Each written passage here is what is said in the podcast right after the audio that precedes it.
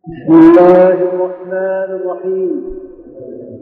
الحمد لله رب العالمين وأفضل الصلاة واكمل التسليم على سيدنا محمد وعلى آله وصحبه أجمعين. سبحانك لا علم لنا إلا ما علمتنا إنك أنت العليم الحكيم. بسم الله الرحمن الرحيم. الحمد لله رب العالمين الرحمن الرحيم. مالك يوم الدين إياك نعبد وإياك نستعين. اهدنا الصراط المستقيم صراط الذين أنعمت عليهم غير المغضوب عليهم ولا الضالين. آمين. الحمد لله رب العالمين. تقدم الكلام على قول الله تعالى لقد من الله على المؤمنين إذ بعث فيهم رسولا من أنفسهم يتلو عليهم آياته ويزكيهم ويعلمهم الكتاب والحكمة وإن كانوا من قبل لفي ضلال مبين. امتن الله تعالى على العباد ببعثة النبي الأكرم صلى الله عليه وسلم وبين الحكمة في إرساله عليه الصلاة والسلام. وذلك أن الله تعالى أرسل النبي عليه الصلاة والسلام لأجل أن يتلو على الناس آيات الله تعالى ويزكيهم ويعلمهم الكتاب والحكمة. ونحن في هذه المناسبة في مناسبة مرور شهر محرم الذي هو تاريخ التاريخ الهجري. نذكر في هذه المناسبة ما يتعلق بهجرة النبي عليه الصلاة والسلام. وما يتعلق بأمر الهجرة ولم كانت بدء التاريخ الإسلامي. وهذا وهو البحث حول الهجرة. فإن في الهجرة حكما وآيات وعبرا وذكريات. وفي الهجرة وبحث الهجرة. وما احتوت عليه معاني الهجرة. فيها إيمان فوق إيمان وحجة فوق حجة وبرهان. لكل عاقل فكر في هذا الأمر. فهذا هو الشهر المحرم. هذا هو أول بدء تاريخ الهجرة. وذلك أن عمر بن الخطاب رضي الله تعالى عنه حين كان خليفة وكان يكتب الكتب إلى عماله دون أن يذكر لهم أي سنة. ومن جملة هذا كتب إلى أبي موسى الأشعري رضي الله عنه كتابا وكان تاريخه في شعبان فكتب أبو موسى إلى عمر. إنك ترسل إلي كتبا ولم تذكر فيها السنة. فشعبان أي سنة؟ وهنا جمع عمر بن الخطاب رضي الله عنه. جمع كبار الصحابة وفيهم سيدنا عثمان وسيدنا علي رضي الله عنهم وكبار الصحابة وعرض عليهم الأمر في أن يعينوا بدءا للتاريخ. فهنا كل أدلى بقول قال بعضهم نجعل بدء التاريخ الإسلامي إنما هو ميلاد النبي عليه الصلاة والسلام. قال بعضهم بل نجعل بدء التاريخ إنما هو البعثة أي منذ بعث النبي عليه الصلاة والسلام.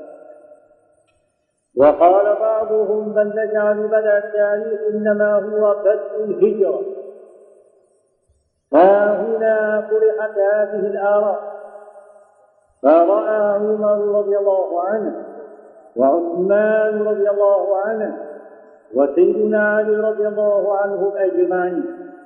رأوا أن الأصح والأفلح والأنجح أن يكون بدء التاريخ إنما هو من بدء الهجرة.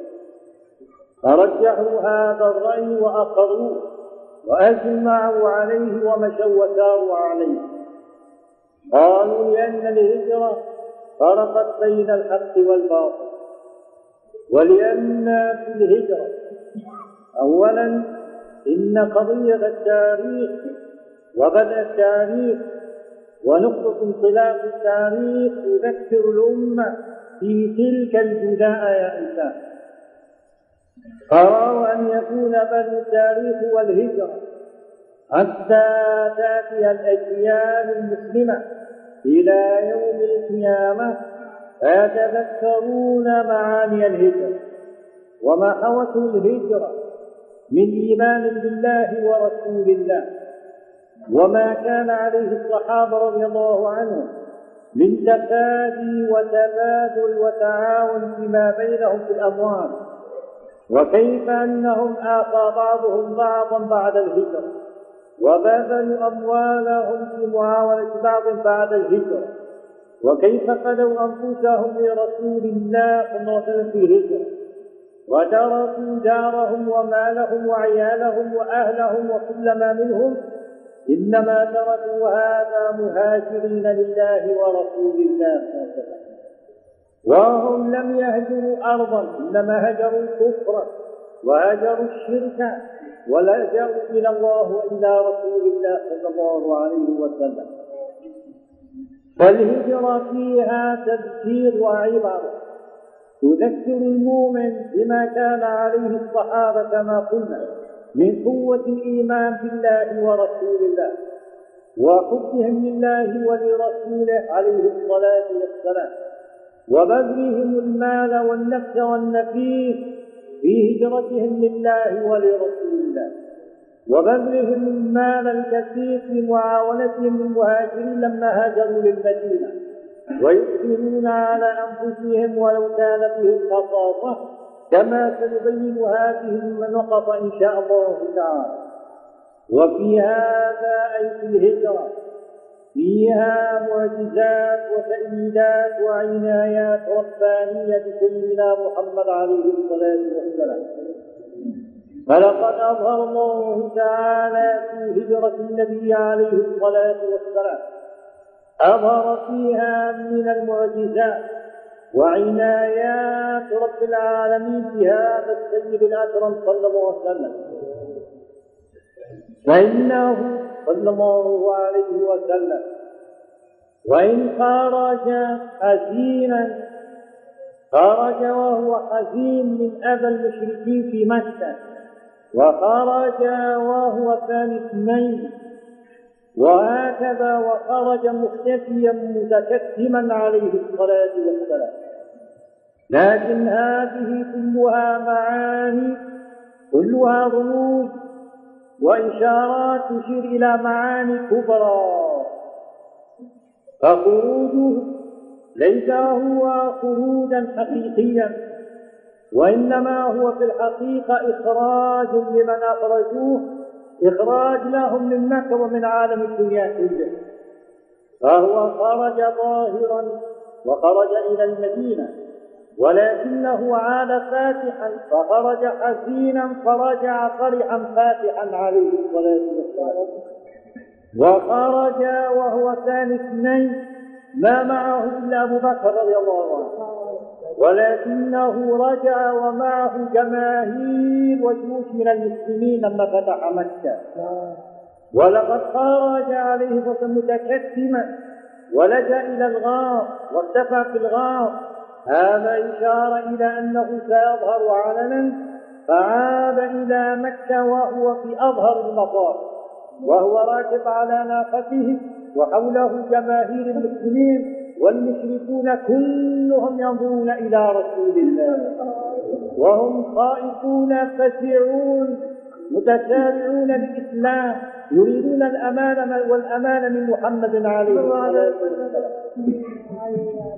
وهكذا عليه الصلاة والسلام. كان كل حركة حركة تحرك بها في هجرته دلت على معنى كبير كبير كبير. صلى الله عليه وسلم. وهكذا الهجرة. فيها تأييد وفيها ظهور العنايات الإلهية بسيدنا محمد عليه الصلاة والسلام. وإنما كان هذا الشهر المحرم بدء الهجرة.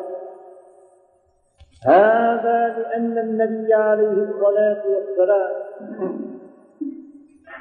لما أمر الله تعالى أن يعلن الدعوة إلى الإسلام بعدما مضى عليه ثلاث سنوات من بعثته وهو متكسم ويدعوهم إلى الإسلام خفية فنزل قوله تعالى فاصدع بما تؤمر وأعرض عن المشركين. فجاء رسول الله بالدعوة إلى رب العالمين. وصار يدعو الناس إلى الدين والإسلام صلى الله عليه وسلم. فهنا أعلن المشركون أذاهم ومحاربتهم للنبي عليه الصلاة والسلام. فرسول الله يذهب في مواسم مواسم الحج وغيرها فيغتنم المواسم ويدعوهم فيها إلى الله. ويدخل في دين الإسلام بعض الناس لكن على قلة وخوف. وصبر رسول الله وصبر الذين آمنوا معه ولقوا أذى كثيرا من المشركين. ورسول الله تنزل عليه الآيات المبشرة. المشركون يقولون نحن أكثر ومجتمعون كما قال سبحانه وتعالى أم يقولون نحن جميع منتصر؟ قال سيهزم الجمع ويولون الدبر. متى نزلت هذه نزلت في مكة.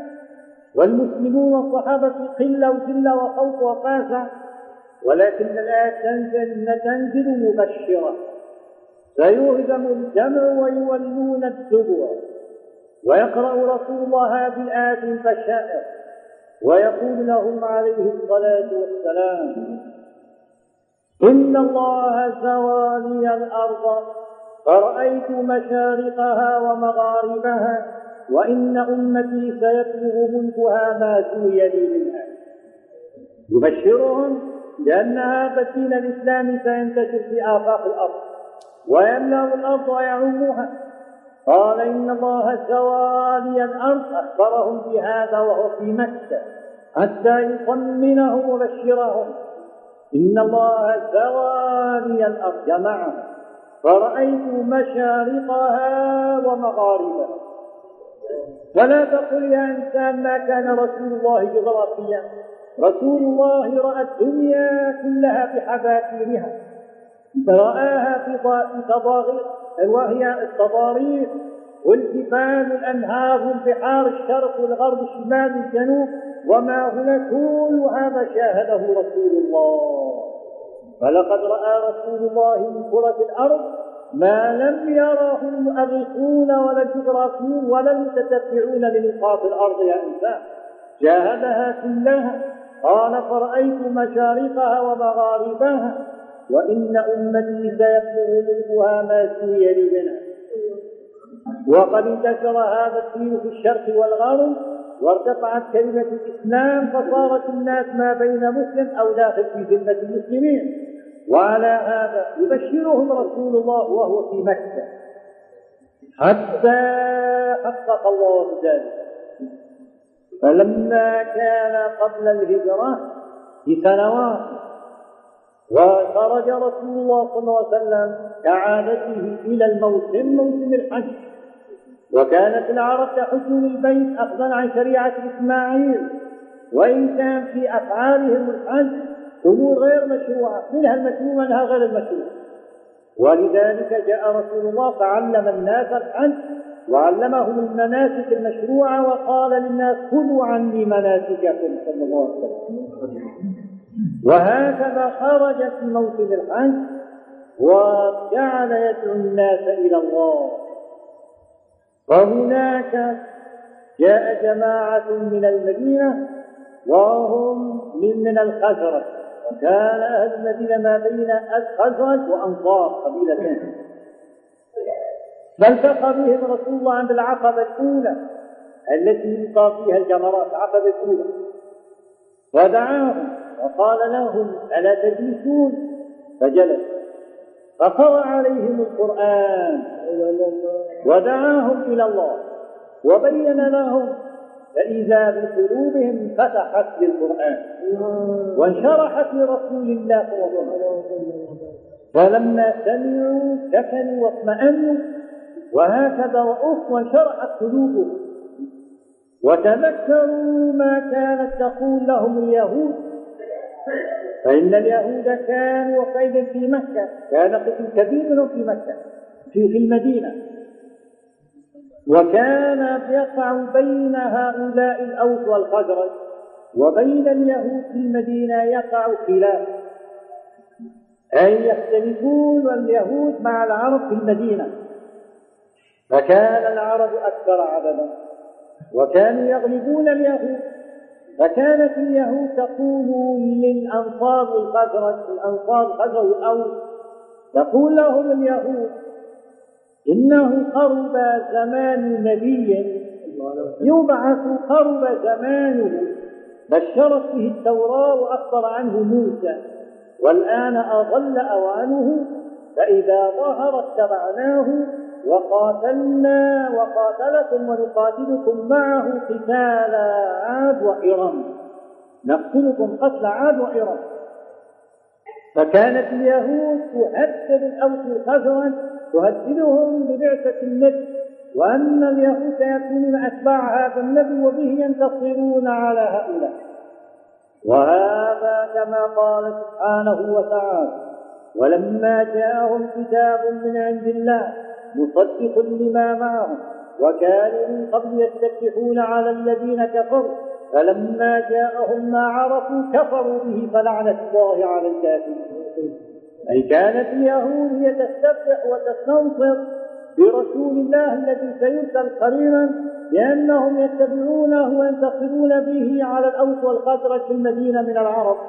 وإذا وإذا بهؤلاء الأوس والخزرج هكذا سمعوا القرآن فتذكروا ما قالته اليهود فقالوا إذا هذا هو النبي الذي تهددنا به اليهود فتعالوا نؤمن به وننتصر به صلى الله عليه وسلم. فآمن ستة منهم وبايعوا النبي عليه الصلاة والسلام. بايعوه قال بايعوني على أن تمنعوا ظهر حتى أبلغ رسالة ربي. فقالوا يا رسول الله دعنا نرجع إلى بلادنا أي المدينة. لعل الله يصلح بين عشائرنا وكان هناك خلاف بين أوس وخزرج لعل الله يصلح بين عشائرنا وننشر دعوتك ولعل الله يجمعهم على دعوتك. أي كلهم يجتمعون عليك يا رسول الله صلى الله عليه وسلم. ولا أعز علينا منك يا رسول الله. ما في أعز منك علينا؟ خلاص. ووعدوه العام المقبل. وذهبوا ورجعوا إلى المدينة. فهناك جعلوا ينشرون دعوة رسول الله. ويذكرون بعثة هذا النبي عليه الصلاة والسلام. حتى انتشر الإسلام في كثير من بيوت أهل المدينة. ثم جاء العام القابل. فهكذا ذهب منهم كثير ذهب منهم اثنا عشر لكن المسلمين أكثر من ذلك. واجتمعوا بالنبي عليه الصلاة والسلام عند العقبة الثانية. وهنا جد المبايعة فبايعوا النبي عليه الصلاة والسلام. وأمر رسول الله صلى الله عليه وسلم مصعب بن عمير أن يذهب معهم إلى المدينة فيعلمهم القرآن ويعلمهم أحكام الإسلام ويجمع بهم هو وأسعد بن زرارة يتعاونان على ذلك. وبالواقع رجعوا وجعلوا ينشرون دعوة الإسلام فما بقي في المدينة بيت إلا وذكر فيه رسول الله. وألف الله بين الأوس والخزرج واجتمعوا كلهم على دين رسول الله صلى الله عليه وسلم. ثم في العام الثالث أي العقبة البيعة الثالثة جاء منهم ثلاث وسبعون واجتمعوا به عليه الصلاة والسلام عند العقبة الثالثة وبايعوه وقالوا له يا رسول الله نبايعك؟ قال بايعوني على السمع والطاعة. قام أسعد بن زرارة رضي الله عنه كبارهم قال يا رسول الله سل ما شئت لربك وسل ما شئت لنفسك وأخبرنا ما لنا من الثواب عند الله. اطلب افرض علينا ما تشاء لنفسك لربك ولنفسك. قال أسألكم لربي أن تعبدوه ولا تشركوا به شيئا. الله وأسألكم لنفسي ولأصحابي أن تنصروني وتمنعوني وتمنعوا تحفظون وأصحابي كما تحفظون أنفسكم وأهليكم. فقالوا وما لنا إذا؟ قال لكم الجنة. فقال فقالت قالوا كلهم قبلنا ذلك يا رسول الله. أي قبلنا هذا؟ وهكذا رجعوا إلى النبي رجعوا وأخذوا العهد من النبي صلى الله عليه وسلم على أن يهاجر إليه. هذا كان في الموسم الثالث عند العقبة الثالث أن يهاجر إليهم هو وأصحابه لأنه قد مهدوا له السبيل في المدينة وجميع أهل المدينة ينتظرونه وتكفلوا أن يحفظوه ويآووه صلى الله عليه وسلم هو وأصحابه رضي الله تعالى عنه فلما رجعوا وكان الحجاج يرجعون بعد الحج فكثير منهم يصل إلى بلده في أوائل المحرم. أي باعتبار أن ذا الحج يعتبر من أشهر الحج. فلما دخل أول المحرم انتهت أشهر الحج في ذلك. قال فأمر النبي عليه الصلاة والسلام الصحابة أن يهاجروا للمدينة. وبدء الهجرة إلى المدينة كان في أول المحرم. كان المسلمون يهاجرون أفرادا أفرادا خوفا من أذى المشركين. فجعلوا يهاجرون إلى المدينة فإذا شعر به المشركون سلبوه من مال وأخذوا مما منهم. وهكذا يذهبون أفرادا بعض أفراد. مختفين متكتمين وقد قال سيدنا علي رضي الله تعالى عنه لم يكن أحد يهاجر من مكة إلا مستخفيا إلا ما كان من عمر بن الخطاب رضي الله عنه فإنه لما أراد أن يهاجر لما أراد أن يهاجر إلى المدينة فقلد سيفه وحمل وحمل رمحه وأباح كنانته أي السهام أي هيئها للرمي ثم دخل المسجد أي مسجد الحرم مسجد مكة وطاف سبعا وصلى ركعتين عند المقام. ثم جاء إلى جماعات المشركين وهم جماعات جماعات جالسين حول الكعبة في المسجد الحرام. فجاء إليهم جماعة وراء جماعة وهكذا وهو يقول لهم شاهت هذه الوجوه. شاهت الوجوه. لا أرغم الله إلا هذه المعاصي. أي هذه الذنوب أرغمها الله. من أراد منكم أن تسكن أن تسكله أمه أو يؤثم ولده أو ترمل زوجته فليلقني وراء هذا الواجب. يعني صار يتحدث رضي الله عنه. بينما غير من المسلمين كان يخرجون السفير هذا عمر أعلن هجرته. وراء أمام المشركين يقول من أراد أن تسكله أمه تفقد. أو يؤتم ولده. أو ترمي زوجته. أي زوجة أرمل تفقده. قال فليلقني وراء هذا الواجب وإذا هم كلهم خافوا على أنفسهم.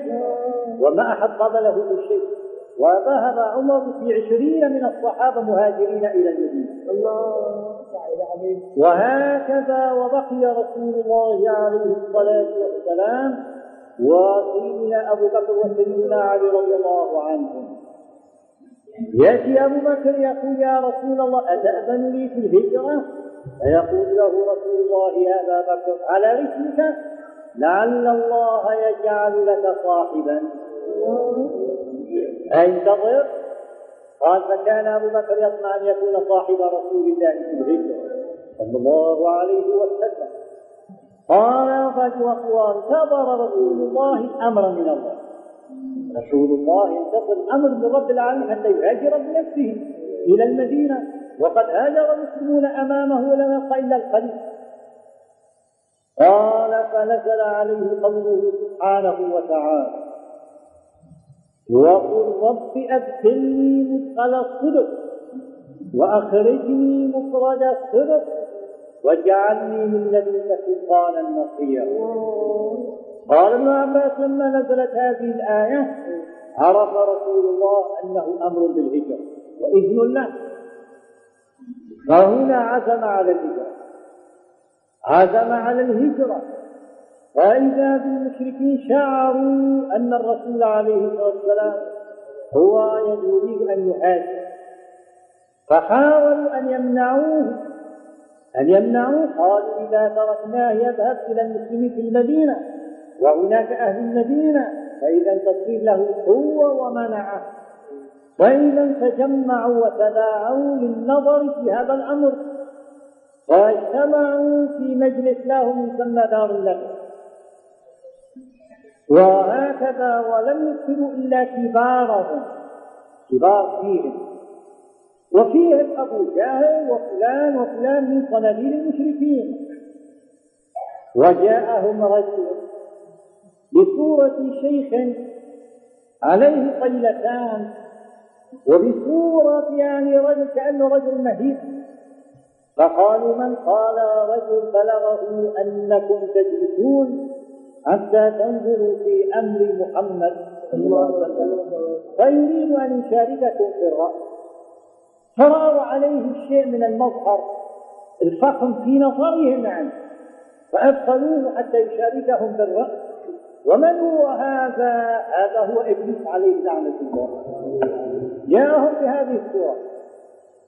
فقام أبو جهل من جهله فاستقبله ووضعه في صدر المسجد.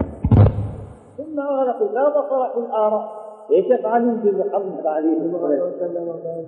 فقال بعضهم قال بعضهم نحبسه. نحبسه. هكذا حبس ونمنع عنه ونمنع عنه الناس. فقال لهم هذا هو الذي زعموه عليه. قال لهم لا هذا ليس بالرأي. أي إبليس؟ قال لا هذا ليس بالرأي. إن هذا إذا حبستموه.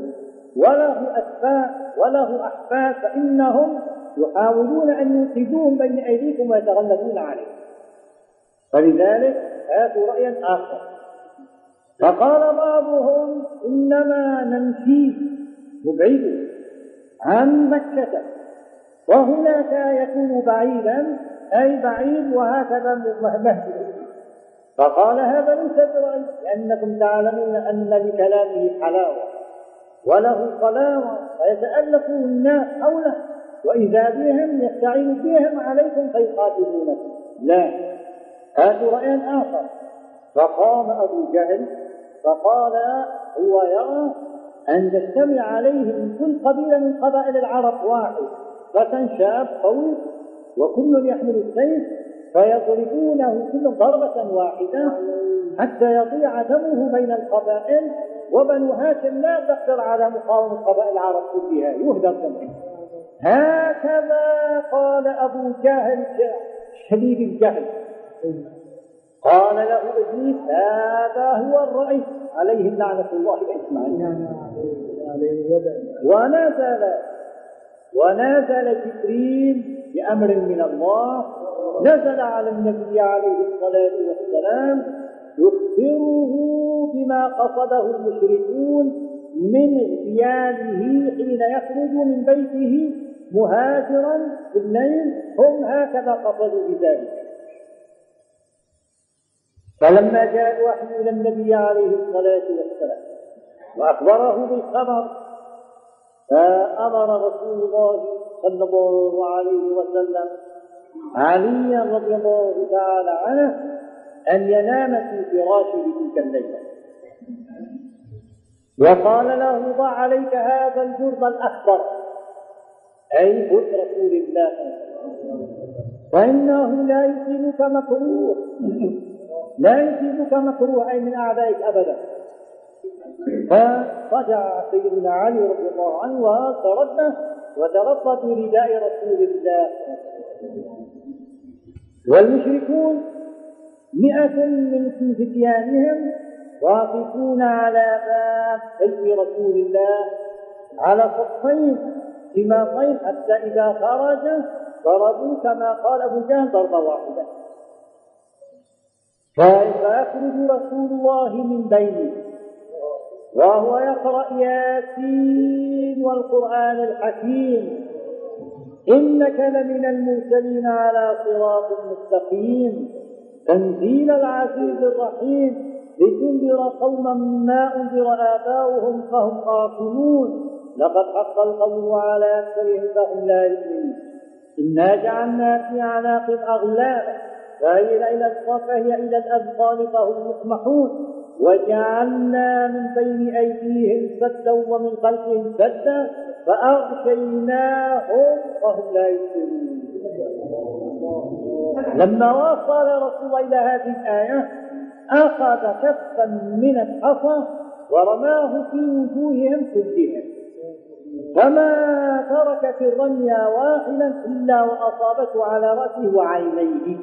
وأصبحوا لا يرون رسول الله. ورسول الله يمر من بينهم. لكنه قرأ فأرجيناهم فهم لا يبصرون. وفي هذا قوة من القرآن يا إنسان.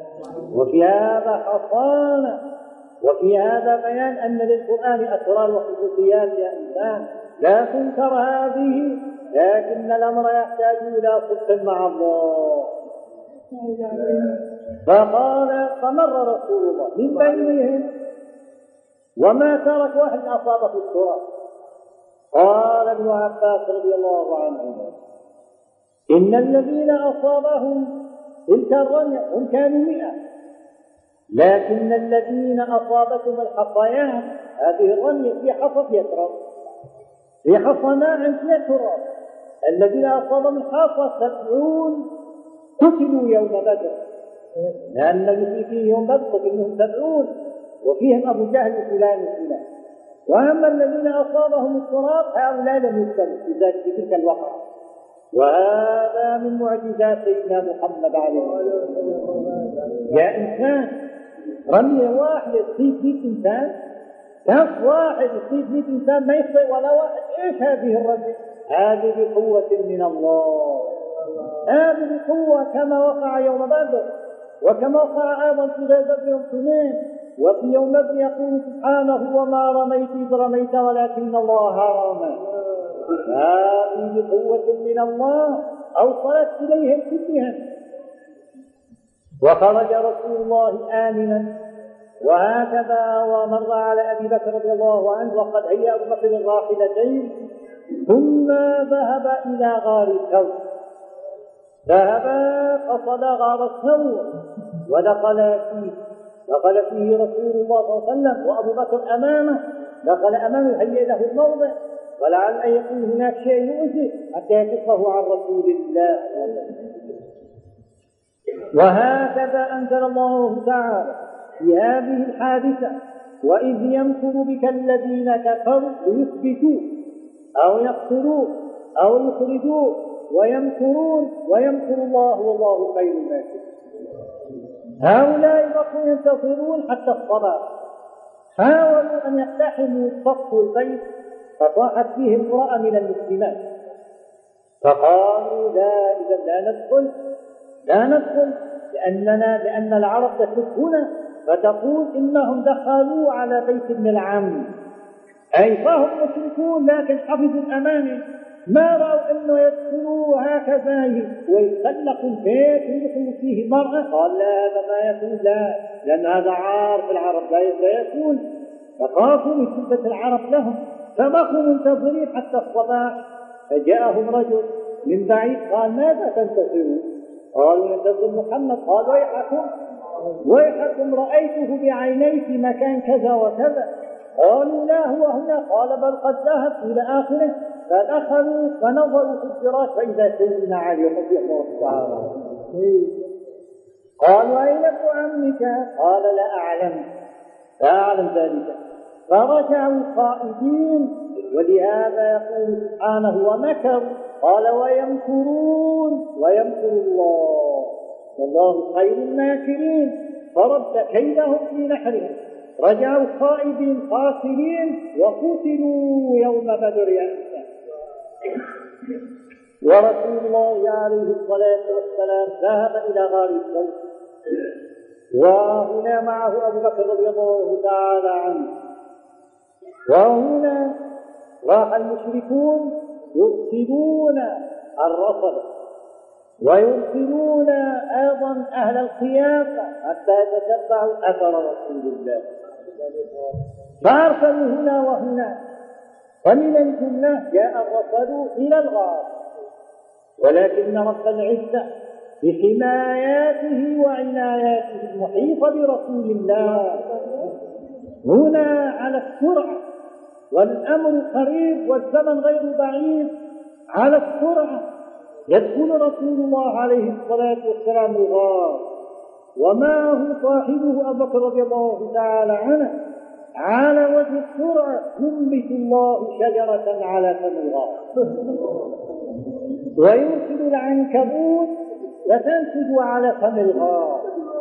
تنسج نسج سميك وتكرر وتعيد. ويرسل حمامتين وحشيتين تعششان على باب الغار.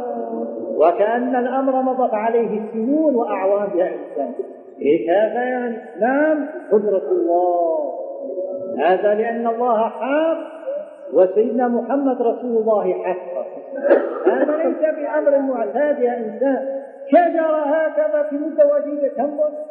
ويكون لها شجر فروع وامتدادات وأغصان تخيل وهكذا وعنكبوت في أسرع وقت توصل وتعم باب الغار تنفذ إلى آخره وإلى والحمام يا إنسان هذا ليس بالأمر العادي وإنما هذا بإرادة وقدرة من رب العالمين. فجاء الرصد وتتبعوا الخطى فإذا الخطى حتى باب الغار لكن قال الرصد قال يا ارجعوا يا من باب الغار عليه من من العنكبوت ما عليه وعليه من العشب ما عليه عشب الحمام وتعشيشهم وهناك شجر. لا هذا هذا ما ممكن يعني إنسان يكون داخل الغار. إذا كان هذا الأمر لا ينفع صار قال القائد متبع الآثار صاحب القياس والنظر في الآثار. قال لهم هذه الاقدام أما هذا القدم فهو قدم أبي بكر. أي عنه هذا قدم. ولكن هذا القدم ما عرفت صاحبه. بقدم سيدنا محمد صلى الله عليه وسلم. ما عرفت صاحبه. إلا أنه يشبه القلم الذي في مقام إبراهيم. يشبه القلم اللي هو في مقام سيدنا إبراهيم. مقام سيدنا إبراهيم الذي هو ذات فوقه وأثر فيه كما هو معروف يا إنسان. وكان أشبه الناس برسول الله سيدنا إبراهيم عليه الصلاة والسلام. قال ورأيت إبراهيم فإذا أشبه الناس به صاحبكم. أي سيدنا محمد عليه الصلاة والسلام. فهكذا شبهه بقلم الخليل وهو الذي في المقام في مقام إبراهيم. ولكن قال ما يكون أين هو إذا؟ القلم قلم وهذا قلم لكن أين هما؟ إذا لا يمكن. فرجعوا قائمين وقد وقفوا قبل أن يرجعوا طويلا من المدة على باب الغار. قريب الغار. يعني باب الغار هكذا وهم واقفون. يقول هذا عش الحمام هذا العنكبوت. هذا السبع إذا ما في أحد. وهنا لما وقفوا على فم الغار. ويتراجعون القول بينهم هنا وليس هناك إلى آخره. قال أبو بكر رضي الله عنه يا رسول الله لو أن أحدا من المشركين نظر إلينا لرآنا. لو نظر هكذا لأنه وجه النظر لما هو تحت قال رأى رسول الله وصاحبه وقال يا أبا بكر ما ظنك باثنين الله ثالثهما إيش يعني وقال له لا تحزن إن الله معك. لقد حزن أبو بكر وخاف على رسول الله صلى الله عليه وسلم. ولكن رسول الله يطمنه.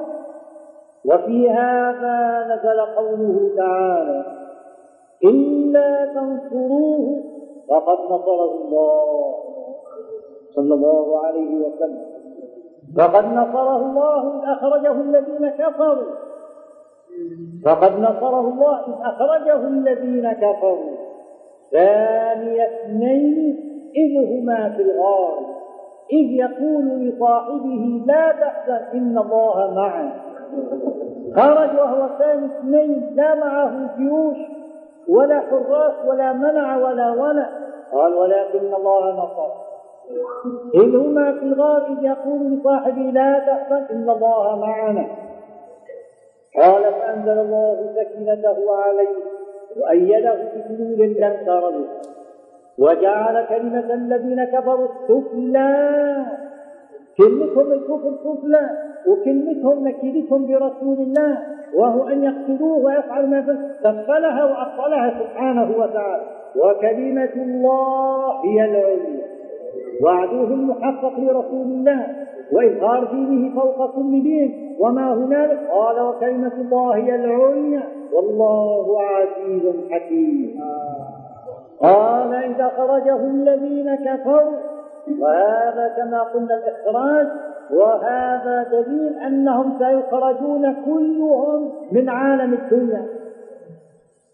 هذا لأنهم لما أخرجوا النبي عليه الصلاة والسلام وحاولوا يخرجوا مكة آذوه وهكذا وعاملوه بالأذى حتى صغ إلى الخروج صلى الله عليه وسلم أن يخرج من مكة إلى المدينة. قال سبحانه وتعالى وإن كادوا ليستفزونك من الأرض ليخرجوك منها وإذا لا يلبسون خلافك إلا قليلا.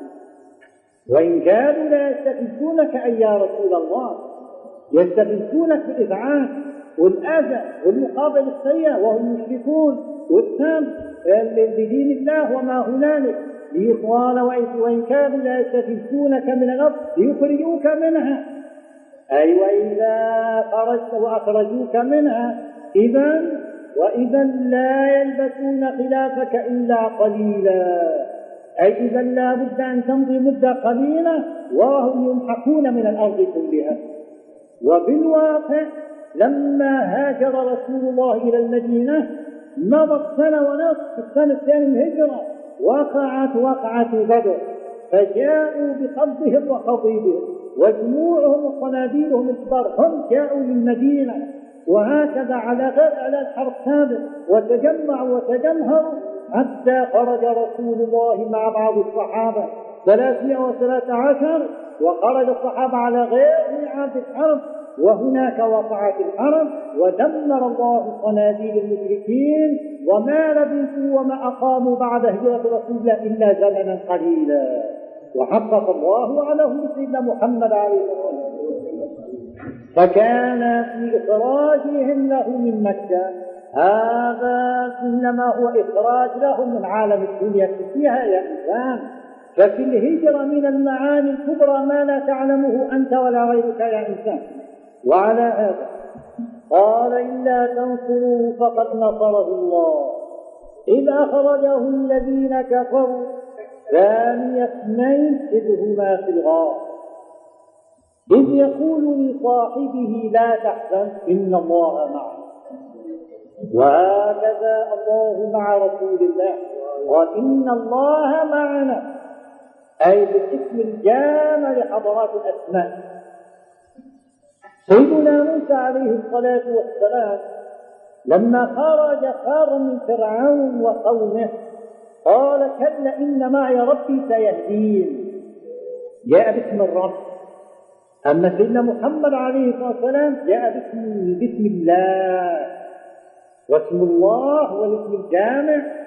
إن الله أي بأسمائه كلها إن الله معنا فهذه المعية من رب العالمين سيدنا محمد أقوى وأعظم من المعية لموسى عليه الصلاة والسلام يا إنسان فأنزل الله سكينته عليه إلى تمام الآية. وهكذا يخرج رسول الله عليه الصلاة والسلام من الغار. خرج من الغار عليه الصلاة والسلام وكان معه الصديق فهو الذي كان يمشي تارة أمامه وتارة وراءه. يقول لعل كائدا يأتي من خلفنا؟ فيقول هو مدافع رسول الله. ولعل رصدا من أمامهم أمام صخرة أو كذا يخرج من الأمام